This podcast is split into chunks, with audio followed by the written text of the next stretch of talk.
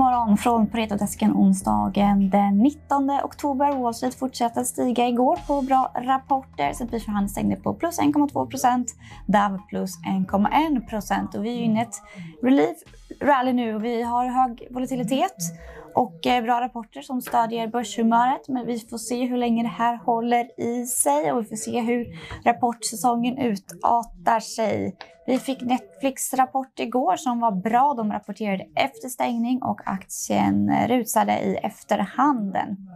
Vi ska prata Handelsbankens rapport idag, vi ska prata Kinneviks rapport idag, men vi ska börja med Eastnine som också rusade idag, men på andra anledningar. Viktor Hökenhammar, de har ju en del eh, Rysslands exponering som de har försökt bli av med ett tag. Hur har det gått? Ja, exakt. Eastnine är ett svenskt fastighetsbolag egentligen med fastigheter i Baltikum och Polen.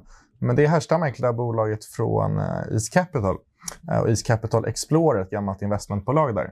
Eh, och man har under senare år egentligen avyttrat liksom non-core assets som inte är då renodlade fastigheter. Och eh, när vi initierade det här bolaget i, i somras så var det en, den sista egentligen liksom, icke fysiska fastigheten man hade kvar att avyttra var just ett ryskt innehav. Mellon Fashion Group, ett ryskt modehus med eh, butiker egentligen i fem länder i östra Europa och även i Kazakstan. Och eh, det här eh, innehavet är bokfört till ungefär 140 miljoner sett till Q2-rapporten. Och man publicerade idag då att man avser att avyttra innehavet för 193 miljoner euro.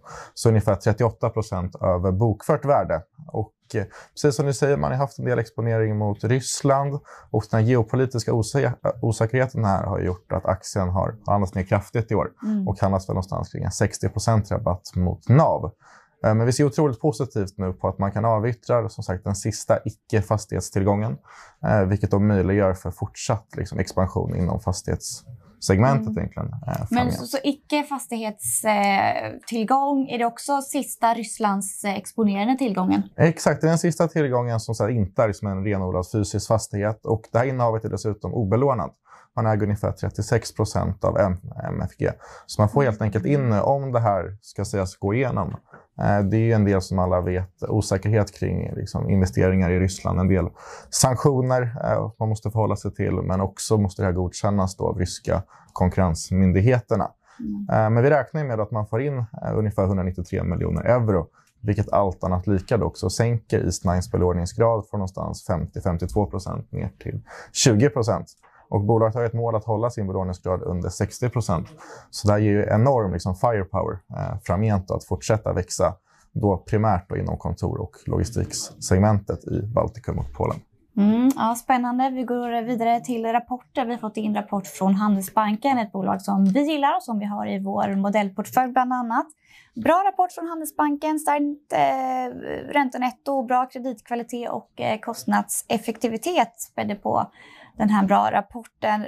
Räntenettot steg och de visar också stabila icke-ränterelaterade intäkter. De visar som sagt också effektivitet och bra kreditkvalitet. Vi fick även en rapport från Kinnevik som visar på en bra utveckling i en annars utmanande miljö. Navet är på 58 miljarder kronor, en minskning med 5% från Q2. Värdet på de listade tillgångarna sjönk med 3,45 miljarder kronor där Tele2 är största eh, delen. Och de olistade tillgångarna steg med 291 miljoner kronor på starkare dollar. De har en nettokassa på 12,5 miljarder och värderar upp eh, några hälsovårdsinnehav i form av Village MD och City Block. Babylon är ett annat hälsovårdsinnehav och eh, de har en eh, pågående finansieringsrunda där Kinnevik kommer investera 26 miljoner dollar.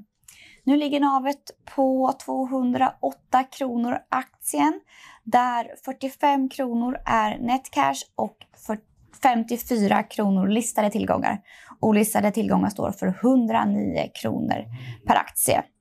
Kinnevik handlas nu till 26% rabatt, vilket är en historisk hög rabatt.